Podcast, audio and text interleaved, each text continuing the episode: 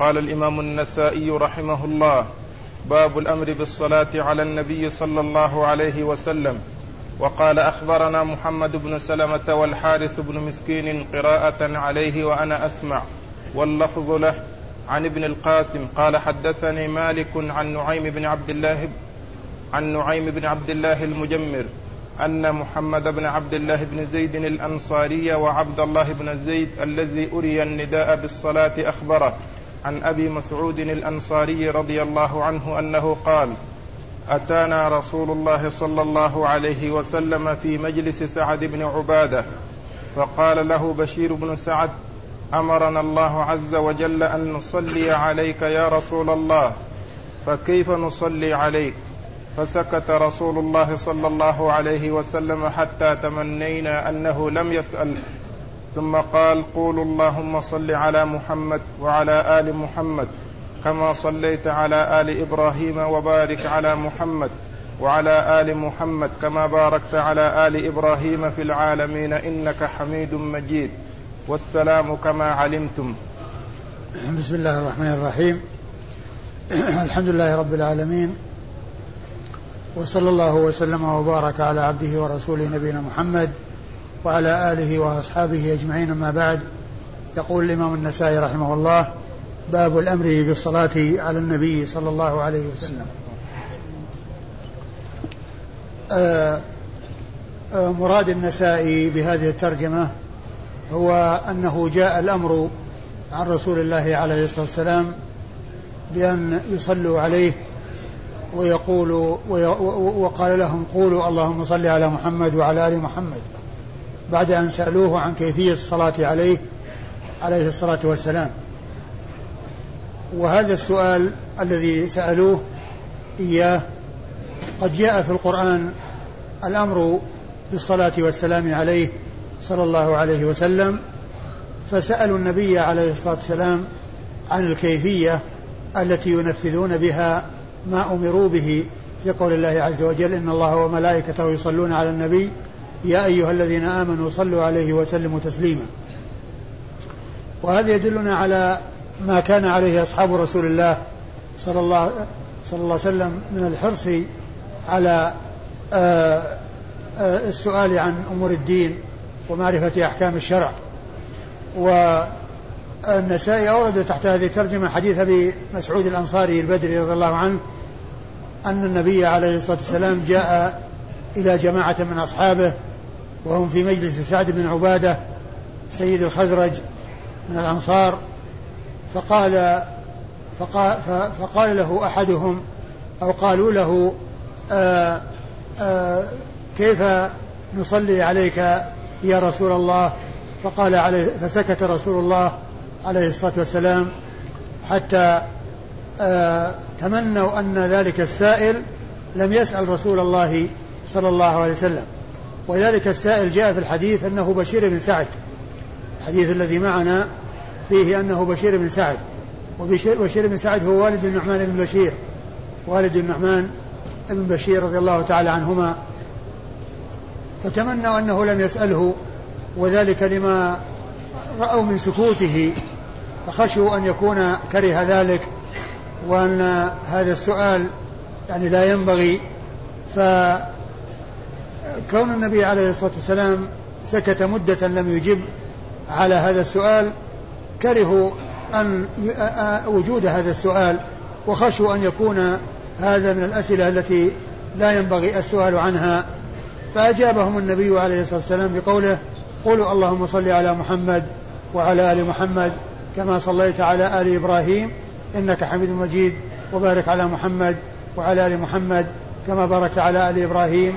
في العالمين إنك حميد مجيد والسلام كما علمتم يعني كما علموا في آه، في التشهد الذي آه، أرشدوا فيه أن يقولوا السلام عليك أيها النبي ورحمة الله وبركاته. التحيات لله والصلوات والطيبات. السلام عليك أيها النبي ورحمة الله وبركاته. السلام علينا وعلى عباد الله الصالحين. أشهد أن لا إله إلا الله وأشهد أن محمدا عبده ورسوله. فقد جاء في التشهد كيفية السلام على الرسول عليه الصلاة والسلام وهي السلام عليك أيها النبي ورحمة الله وبركاته. وقد جاء في بعض الروايات أنهم قالوا قد علمنا كيف نسلم عليك فكيف نصلي عليك؟ قد علمنا كيف نسلم عليك بكونهم يقولون السلام عليك أيها النبي ورحمة الله وبركاته. فكيف نصلي عليك؟ فقال قولوا اللهم صل على محمد وعلى آل محمد. وهذا ال ال ال هذا ال الذي حصل من أصحاب رسول الله عليه الصلاة والسلام كون آه كون بعضهم سأله هذا السؤال يدلنا على اهتمام أصحاب الرسول عليه الصلاة والسلام في معرفة أمور الدين وسؤال النبي عليه الصلاة والسلام عما يحتاجون إلى الإجابة عليه وهذا يدلنا على فضلهم ونبلهم وكمالهم وحرصهم على معرفة أمور الدين. وأنهم يسألون الرسول عليه الصلاة والسلام عما يشكل عليهم وأما يحتاجون إلى معرفة جوابه من رسول الله صلى الله عليه وسلم. وقوله آه وقوله في أول الحديث كنا أتانا رسول الله صلى الله عليه وسلم ونحن في مجلس سعد بن عبادة. وهذا يدلنا على آه أن الصحابة رضي الله عنهم وأرضاهم كانوا يجلسون في المجالس ويتذاكرون فيها العلم ويتحدثون فيها عما يريدون أن يتحدثوا إليه يتحدثوا فيه. من الأمور التي يناسب التحدث فيها فإن الحديث يقول كنا في مجلس سعد بن عبادة فأتانا رسول الله عليه الصلاة والسلام. وفيه إتيان الرسول عليه الصلاة والسلام إلى أصحابه في مجالسهم.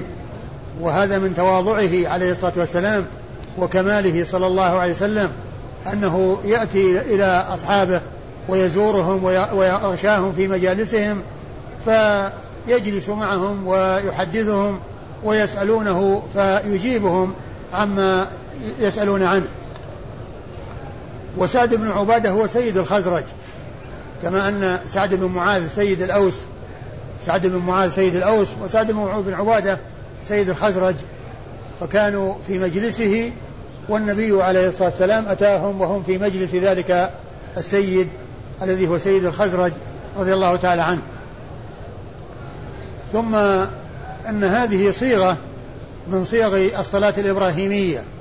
أي اللهم صل على محمد وعلى آل محمد كما صليت على آل إبراهيم. إنك حميد مجيد. وبارك على محمد. في هذه الرواية؟ ما في أنك حميد مجيد؟ لا. آه اللهم صل على محمد وعلى آل محمد كما صليت على آل إبراهيم. وبارك على محمد وعلى آل محمد كما باركت على آل إبراهيم آه، كما باركت على إبراهيم وعلى آل آه اللهم صل على محمد وعلى آل محمد كما وبارك على محمد وعلى آل محمد كما باركت على آل إبراهيم في العالمين.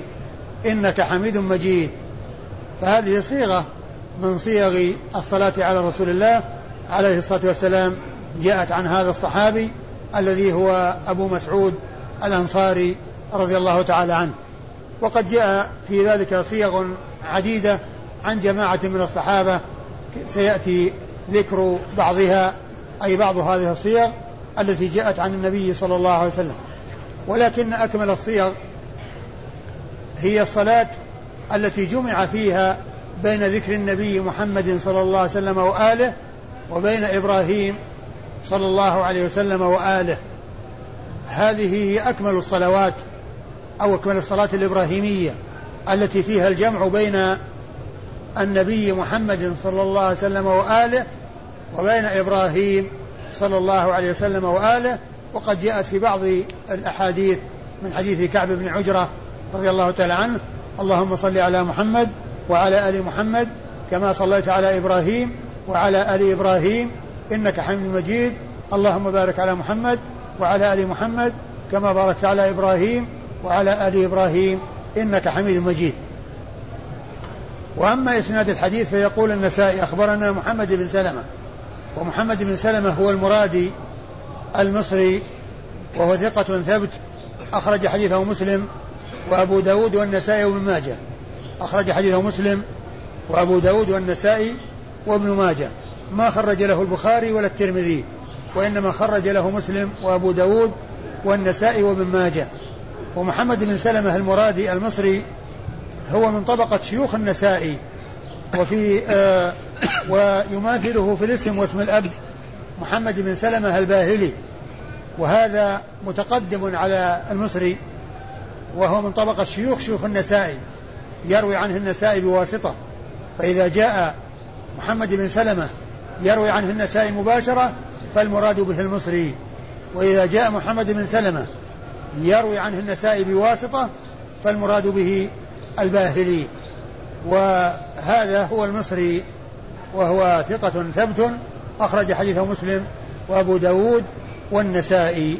أبو مسلم والنسائي مسلم وأبو داود والنسائي وابن ماجه. أيوه. والحارث بن مسكين. قال والحارث بن مسكين. والحارث بن مسكين هو المصري وهو ثقة فقيه. أخرج حديثه أخرج حديثه آه، آه، أبو داود والنسائي.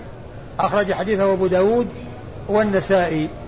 وقال النسائي آه، قراءة عليه وأنا أسمع واللفظ له.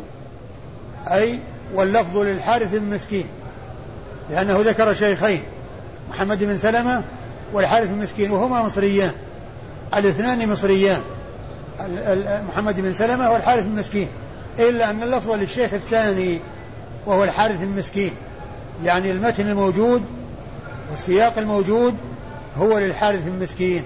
ولهذا قال واللفظ له. يعني بهذا أن لفظ محمد بن سلمة الذي هو الشيخ الأول آه ليس هذا ليس هذا اللفظ وإنما هو بمعنى اللفظ الذي آه أثبته عن الحارث بن مسكين عن؟ عن ابن القاسم. عن ابن القاسم وهو عبد الرحمن بن القاسم. عبد الرحمن ابن القاسم صاحب الإمام مالك. الراوي عنه الحديث والفقه روى عنه الحديث والفقه وهو ثقة أخرج حديثه البخاري وأبو داود في المراسيل والنسائي. أخرج حديثه البخاري في صحيحه وأبو داود في كتاب المراسيل والنسائي. عن مالك. عن مالك وهو ابن أنس إمام دار الهجرة المحدث الفقيه الإمام المشهور أحد أصحاب المذاهب الأربعة المشهور المعروفة من مذاهب أهل السنة وهو محدث فقيه وأخرج آه، حديثه أصحاب الكتب الستة.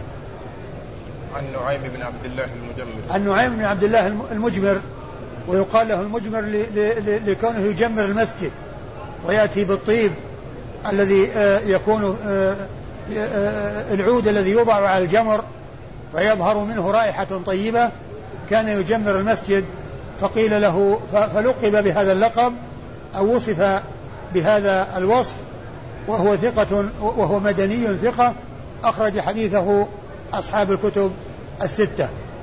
محمد بن عن محمد بن عبد الله بن زيد الأنصاري وهو محمد بن عبد الله بن عبد ربه الأنصاري وهو آه ثقة أخرج حديثه البخاري في خلق أفعال العباد ومسلم وأصحاب السنن الأربعة. وأبوه هو عبد الله بن زيد بن عبد ربه الذي أري الأذان في منامه فأخبر به النبي عليه الصلاة والسلام فأمره بأن يلقيه على بلال ليؤذن بذلك الأذان. و وهو ليس من رجال الإسناد اللي هو عبد الله وإنما ذكر ذكرت جملة اعتراضية عندما ذكر ابنه محمد بن عبد الله بن زيد قال النسائي وعبد الله بن زيد الذي أري الأذان في الصلاة الذي أري الأذان للصلاة أو في الصلاة. فهي جملة اعتراضية وكلمة أخبره ترجع إلى محمد. يعني عن نعيم المجمر أن محمد بن عبد الله بن ابن زيد الأنصاري أخبره وجاءت جملة اعتراضية فيها بيان أن أباه هو صاحب الأذان أن أباه صاحب الأذان وإلا فإنه ليس ليس من الرواة في هذا الإسناد اللي هو عبد الله بن زيد صاحب الأذان وإنما ابنه هو الذي حدث نعيم المجمر بهذا الحديث وذكر أو ذكرت هذه الجملة الاعتراضية بمناسبة ذكره الذي هو ابنه قيل وعبد الله بن زيد الذي والد هذا الرجل الراوي عنه نعيم هو الذي أري الأذان في الصلاة. فلا فليس من الرواة لهذا الإسناد وإنما هي كما قلت جملة اعتراضية. ولهذا يعني كونها جاءت مفتوحة عبد الله ابن هذا ليس بصحيح. بل بل هي مرفوعة. وعبد الله بن زيد وعبد الله بن زيد الذي يعني هو الذي أري الأذان. يعني بيان لأن أبا هذا الراوي أو والد هذا الراوي هو صاحب الأذان. فالصحيح في الصواب في الضبط أو الشكل أن عبد الله مرفوع. الدال مرفوعة وليست مفتوحة. ليس معطوفا على ابنه. ليس معطوفا على ابنه وإنما هذه جملة اعتراضية مبتدأ وخبر. عن, عن أبي مسعود. عن أبي مسعود الأنصاري وهو عقبة عقبة بن عمرو الأنصاري صحابي جليل حديثه أخرجه أصحاب الكتب الستة. ومشهور بكنيته أبو مسعود. مشهور بكنيته أبو مسعود نعم نعم قال باب كيف الصلاة على النبي صلى الله عليه وسلم. وقال أخبرنا زياد بن يحيى قال حدثنا عبد الوهاب بن عبد المجيد قال حدثنا هشام بن حسان عن محمد عن عبد الرحمن بن بشر عن أبي مسعود الأنصاري رضي الله عنه أنه قال قيل للنبي صلى الله عليه وسلم أمرنا أن نصلي عليك ونسلم أما السلام فقد عرفناه. فكيف نصلي عليك؟ قال قولوا اللهم صل على محمد كما صليت على آل إبراهيم. اللهم بارك على محمد كما باركت على آل إبراهيم. ثم ورد النسائي هذه الترجمة وهي كيفية الصلاة. باب كيف الصلاة على النبي عليه الصلاة والسلام. آه، أورد في حديث أبي مسعود الأنصاري رضي الله تعالى عنه وهو آه و وفيه أنه قال أنه قيل للنبي عليه الصلاة والسلام أمرنا الله بالصلاة والسلام عليك أما السلام فقد عرفناه فكيف الصلاة عليك؟ فقال قولوا اللهم صل على محمد وع... اللهم صل. الله اللهم صل على محمد كما صليت على آل إبراهيم. اللهم صل على محمد كما صليت على آل إبراهيم. اللهم بارك على اللهم محمد. بارك على محمد كما باركت على آل إبراهيم. وهذه صيغة مختصرة فيها ذكر النبي صلى الله عليه وسلم بدون ذكر آله وفيها ذكر آل إبراهيم بدون ذكر إبراهيم بدون ذكر إبراهيم. ومن المعلوم أن آل إبراهيم إذا ذكروا فإنه يدخل فيهم إبراهيم يدخل فيهم إبراهيم لأنه يدخل هو هو هو وآله. لكن جاء في بعض الأحاديث الجمع بين الآل وبين بين إبراهيم والآل كما جاء فيها الجمع بين النبي محمد صلى الله عليه وسلم والآل. فهنا فيه ذكر محمد وليس فيه ذكر آله والتي بعدها فيه فيها ذكر إبراهيم فيها ذكر آل إبراهيم وليس فيها ذكر إبراهيم. لكن كما قلت آل إبراهيم يدخل في آل إبراهيم بخلاف محمد. فإنه لا يدخل في آل محمد إلا إذا جاء التنصيص يعني آه عليهم. ثم آه هذا ال ال ال ال ال آه هذه الصلاة الإبراهيمية المشهورة بالإبراهيمية فيها ذكر الصلاة على النبي صلى الله عليه وسلم وذكر الصلاة على آل إبراهيم. وفي بعضها الجمع بين النبي محمد صلى الله عليه وسلم وآله وإبراهيم صلى الله عليه وسلم وآله. وفيه أنه طلب للنبي عليه الصلاة والسلام صلاة كالصلاة التي لإبراهيم وآله عليه الصلاة والسلام. وقد ذكر هنا إشكال وهو أن النبي محمد عليه الصلاة والسلام أفضل من إبراهيم. النبي محمد عليه الصلاة والسلام أفضل من إبراهيم. والحديث جاء فيه أنه طلب صلاة على محمد تشبه الصلاة على إبراهيم.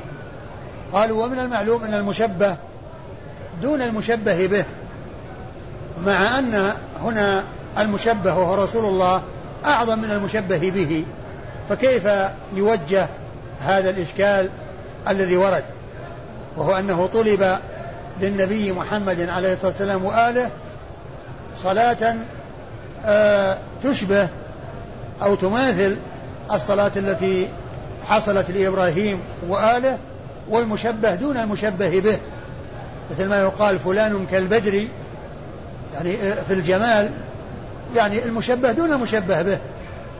فهذا الإشكال ذكر ولكن أجاب عليه العلماء بأجوبة كثيرة. منها بل هو من أوضحها أنه ليس المقصود التشبيه وإنما المقصود هو أن إبراهيم عليه الصلاة والسلام وآله وجدت الصلاة عليهم وحصلت الصلاة عليهم وقد طلب لأن يحصل للنبي عليه الصلاة والسلام وآله آه، صلاة كما أنه قد حصل صلاة على إبراهيم وآله. وليس المقصود أن أن يطلب صلاة تشبه الصلاة أو أن فيه تشبيه تشبيه بالصلاة على إبراهيم فيأتي هذا الإشكال الذي هو كون مشبه. آه، الأصل أنه أن مشبه دون مشبه به مع أنه هنا المشبه وهو محمد أفضل من المشبه به وهو إبراهيم. المشبه محمد عليه الصلاة والسلام أفضل من المشبه به وهو إبراهيم. وإذا فمعنى هذا أن المقصود هو أنه طلبت الصلاة على محمد صلى الله عليه وسلم وآله آه كما أن الصلاة قد حصلت ووجدت لإبراهيم عليه الصلاة والسلام وآله. وليس المقصود آه صلاة تشبه الصلاة أو أن المشبه يكون دون المشبه به. ويعني وهنا يعني جاء الإشكال بل المقصود أن إبراهيم وآله حصل عليهم صلاة ووجدت الصلاة عليهم وقد طلب أن يوجد لمحمد عليه الصلاة والسلام آه، الصلاة كما أن الصلاة قد وجدت على إبراهيم وآل إبراهيم. هذا هو من أوضح ما قيل في بيان آه، آه، معنى هذا هذا الإشكال. وقيل إن أن قوله اللهم صل على محمد ويكون انتهى الكلام عند هنا. ثم يأتي كلام مستأنف. يعني وصلي على إبراهيم وعلى وصلي على آل محمد كما صليت على إبراهيم وعلى آل إبراهيم. فيكون المشبه إنما هو آل محمد بإبراهيم وآل إبراهيم. وقيل أيضا في الجواب عن هذا الإشكال أن محمد صلى الله عليه وسلم هو من آل إبراهيم. هو من آل إبراهيم. فيكون له نصيب يعني خاص حيث طلب أن يصلى عليه وأيضا له من الصلاة على على آل إبراهيم لأنه من آل إبراهيم. فيكون له نصيبه الذي جاء على سبيل الاستقلال ونصيبه الذي يأتيه من كونه من آل إبراهيم. فيكون أكثر وأعظم من إبراهيم لكونه آه طلب له صلاة وأيضا له نصيب من الصلاة على آل إبراهيم ف يعني إذا ضم نصيبه من الصلاة على آل إبراهيم من وهو منهم على الصلاة التي طلبت له يكون أعلى وأرفع من إبراهيم. وأجابوا عن ذلك بأجوبة عديدة لكن هذه أظهرها والذي يظهر أن الأول هو أظهر هذه الأقوال وهو أنه ليس المقصود التشبيه وإنما المقصود أن يوجد على محمد عليه الصلاة لأن الصلاة قد وجدت على إبراهيم وآله عليهم أفضل الصلاة وأتم التسليم. أخبرنا زياد بن يحيى. أخبرنا زياد بن يحيى. زياد بن يحيى هو البصري ولا؟ البصري نعم. البصري وهو ثقة أخرج حديثه أصحاب الكتب الستة. البصري أخرج حديثه أصحاب الكتب الستة. عن عبد الوهاب بن عبد المجيد الثقفي البصري وهو ثقة أخرج حديثه أصحاب الكتب الستة أيضا. عن عن هشام بن حسان. عن هشام بن حسان البصري وهو آه ثقة من أثبت الناس في محمد بن سيرين وحديثه أخرجه أصحاب الكتب الستة. عن محمد, محمد نعم. عن محمد وهو ابن سيرين البصري وهو ثقة ثبت أخرج حديثه أصحاب الكتب الستة. عن عبد الرحمن بن بشر؟ عن عبد الرحمن بن بشر. عن عبد الرحمن بن بشر البصري. عبد الرحمن بن بشر البصري وهو الأزرق وقال عنه الحافظ مقبول وأخرج حديثه مسلم وأبو داود والنسائي. مسلم وأبو داود والنسائي. عن أبي م... عن أبي مسعود؟ نعم. عن أبي مسعود وقد مر ذكره في الإسناد الذي قبل هذا وكون نعم بصري ولا أنصاري؟ أنصاري بصري؟ هو بصري هو؟ ما أدري أنا كاتب هنا هو الأنصاري لكن الأنصاري الأزرق لكن اظنه بصري ما أدري إيه. هو الأنصاري وقال عنه مقبول ومقبول كما هو معلوم يحتاج إلى الاعتضاد ومن المعلوم ان أن حديث أبي سعيد حديث أبي مسعود جاء في الإسناد الذي قبل هذا من غير طريقه من غير طريقه فهو ثابت من من غير هذا الطريق من حديث أبي أبي مسعود الأنصاري رضي الله عنه. فكونه مقبولا يعني لا يؤثر لأنه وجد في من من, من الطرق لنفس الحديث عن أبي مسعود آآ ما يقويه بل ما هو أقوى منه ولا يحتاج إلى إلى تقوية يعني ذاك. ولكن هذا هو الذي يحتاج إلى تقوية فغيره مما هو ثابت يقوي ما جاء في هذا الإسناد من جهة كون الرجل وصف بأنه مقبول يعني يحتج به عند الاعتضاد. قال نوع آخر. وقال أخبرنا القاسم بن زكريا بن دينار من ابن دينار من كتابه. قال حدثنا حسين بن علي عن زائدة عن سليمان عن عمرو بن مرة عن عبد الرحمن بن أبي ليلى عن كعب بن عجرة رضي الله عنه أنه قال قلنا يا رسول الله السلام عليك قد عرفناه فكيف الصلاة؟ قال قولوا اللهم صل على محمد وعلى آل محمد كما صليت على آل إبراهيم إنك حميد مجيد. اللهم بارك على محمد وعلى آل محمد كما باركت على آل إبراهيم إنك حميد مجيد. قال ابن أبي ليلى ونحن نقول وعلينا معهم.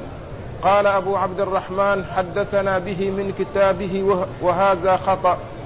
اللي بعده. وقال أخبرنا القاسم بن زكريا قال حدثنا حسين عن زائدة عن سليمان عن الحكم عن عبد الرحمن بن أبي ليلى عن كعب بن عجرة رضي الله عنه أنه قال قلنا يا رسول الله السلام عليك قد عرفناه فكيف الصلاة عليك؟ قال قولوا اللهم صل على محمد وعلى آل محمد كما صليت على إبراهيم وآل إبراهيم إنك حميد مجيد. وبارك على محمد وعلى آل محمد كما باركت على إبراهيم وآل إبراهيم إنك حميد مجيد. قال عبد الرحمن ونحن نقول وعلينا معهم. قال أبو عبد الرحمن وهذا أولى بالصواب من الذي قبله. ولا نعلم أحدا. قال فيه عمرو بن مرة غير هذا. والله تعالى أعلم. ثم ذكر النسائي نوعا آخر من من من الصلاة من كيفية الصلاة على النبي. عليه الصلاة والسلام وهو ما جاء عن كعب بن عجرة صاحب رسول الله صلى الله عليه وسلم وقد ذكره النسائي من طريقين بإسنادين متماثلان إلا أن في أحدهما سليمان الأعمش في الأول يروي عن عمرو بن مرة عن عبد الرحمن بن أبي ليلى وفي الإسناد الثاني سليمان الأعمش يروي عن الحكم بن عتيبة عن عبد عن عبد الرحمن بن أبي ليلى وقال في الأول إنه خطأ وقال في الثاني إنه أولى بالصواب لأن لأن الحكم بن عتيبة هو المعروف بالرواية عن عبد الرحمن بن أبي ليلى في هذا الحديث.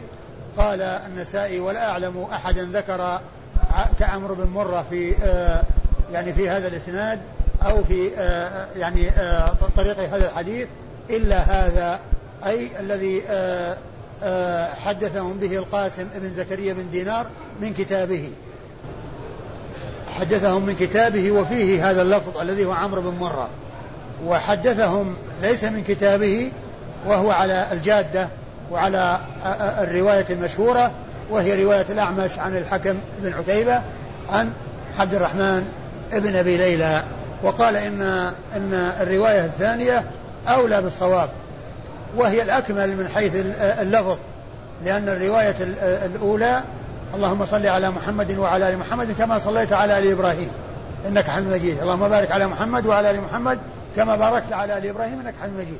أما الرواية الثانية التي هي رواية الأعمش عن آه، الحكم بن عتيبة عن عبد الرحمن بن أبي ليلى ففيها الجمع بين النبي محمد عليه الصلاة والسلام وآله وإبراهيم صلى الله عليه وسلم وآله و وذلك أنه قال قل اللهم صل على محمد وعلى آل محمد كما صليت على إبراهيم وآل إبراهيم إنك حميد مجيد. اللهم بارك على محمد وعلى آل محمد كما باركت على إبراهيم وآل إبراهيم إنك حميد مجيد. فهي أكمل صلاة على النبي عليه الصلاة والسلام وهي التي فيها الجمع بين إبراهيم وآله بين محمد صلى الله عليه وسلم وآله وإبراهيم صلى الله عليه وسلم وآله. وقد جاءت الرواية من حديث كعب بن عجرة في صحيح البخاري وأن عبد الرحمن بن ابن أبي ليلى قال لقيني كعب بن عجرة. فقال ألا أهدي لك هدية سمعتها من رسول الله صلى الله عليه وسلم؟ ثم بين له وجاء في بعض الروايات أنه قال قلت بلى فهديها إلي. فقال خرج علينا رسول الله صلى الله عليه وسلم. فقلنا يا رسول الله قد علمنا كيف نسلم عليك وكيف نصلي عليك؟ قال قولوا اللهم صل على محمد وعلى آل محمد. كما صليت على إبراهيم وعلى آل إبراهيم إنك حميد مجيد. اللهم بارك على محمد وعلى آل محمد كما باركت على إبراهيم وعلى آل إبراهيم إنك حميد مجيد. ففيها الجمع بين النبي محمد عليه الصلاة والسلام وآله وإبراهيم صلى الله عليه وسلم وآله. وتلك الرواية يعني آه وإن كان فيها هذا الخطأ إلا أنها ثابتة آه يعني آه اللي هو المتن من طرق متعددة عن آه، من حديث كعب بن عجرة رضي الله تعالى عنه. والإسناد الأول يقول النسائي أخبرنا القاسم ابن زكريا بن دينار من كتابه يعني أنه حدثهم من كتابه.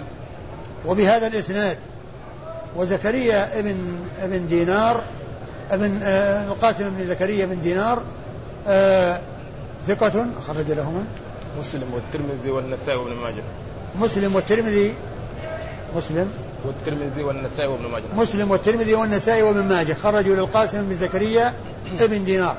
وكان حدثهم هذا الحديث من كتابه. يعني هذه الرواية من كتابه. عن حسين بن علي. عن حسين بن علي وهو الجعفي الكوفي. وهو ثقة خرج حديثه أصحاب الكتب الستة. عن زائدة. عن زائدة بن قدامة. الثقفي الكوفي وهو ثقة ثبت أخرج حديثه أصحاب الكتب الستة. عن سليمان. عن سليمان وهو بن مهران الكاهلي الأعمش.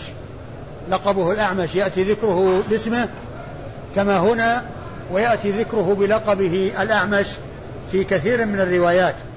وقد عرفنا أن من فوائد معرفة ألقاب المحدثين أن لا يظن التعدد فيما إذا ذكر باسمه مرة وفي آه، وبلقبه مرة أخرى من لا يعرف أن الأعمش لقب سليمان بن مهران يظن أن الأعمش شخص وسليمان بن مهران شخص آخر.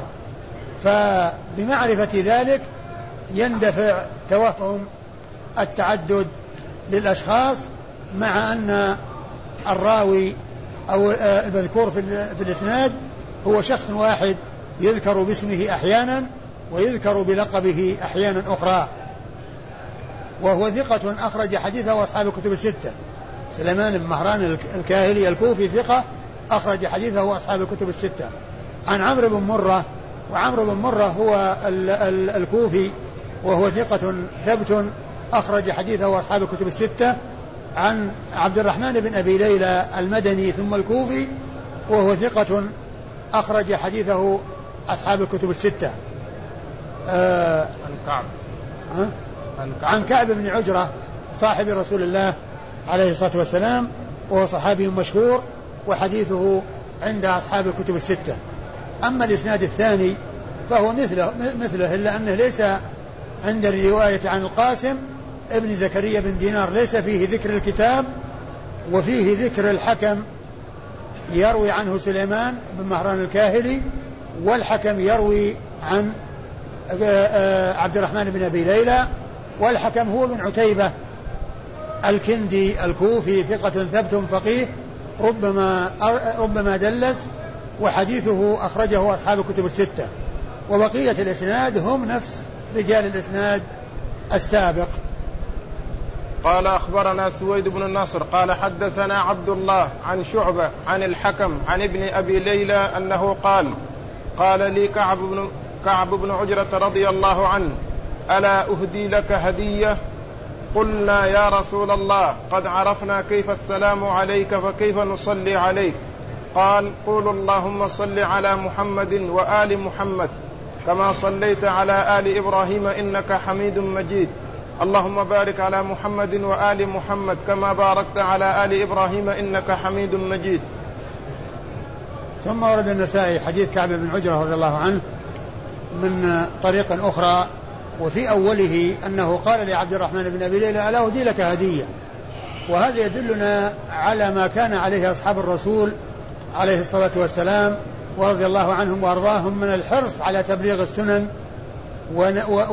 وبذل العلم ونشره وتشويقهم إلى إلى إلى إلى إلى تلقيه وإلى أخذه لأن كون كعب بن عجر رضي الله عنه يلقى عبد الرحمن بن أبي وهو من التابعين فيقول ألا أهدي لك هدية؟ ألا أهدي لك هدية؟ ما سمعتها من رسول الله؟ ولا ما فيه؟ لا ما فيه ألا أهدي لك هدية؟ يعني كونه يصف الحديث الذي سيحدثه به بأنه هدية يدلنا على اهتمامهم في نشر العلم وعلى بذله وأنهم يتهادون العلم بل هو أنفس هداياهم هو أنفس هداياهم لأنها هدايا الخير وهدايا الهدى والتبصير بأمور الدين فلذلك يدلنا على عظم شأن بذل العلم عندهم وحرصهم على بذله وترغيبهم في بذله لأن قوله ألا أهدي لك هدية؟ كون كعب يخاطب عبد الرحمن يعني يلفت نظره إلى أن يستعد ويتهيأ لمعرفة هذا الشيء الذي وصف بأنه هدية.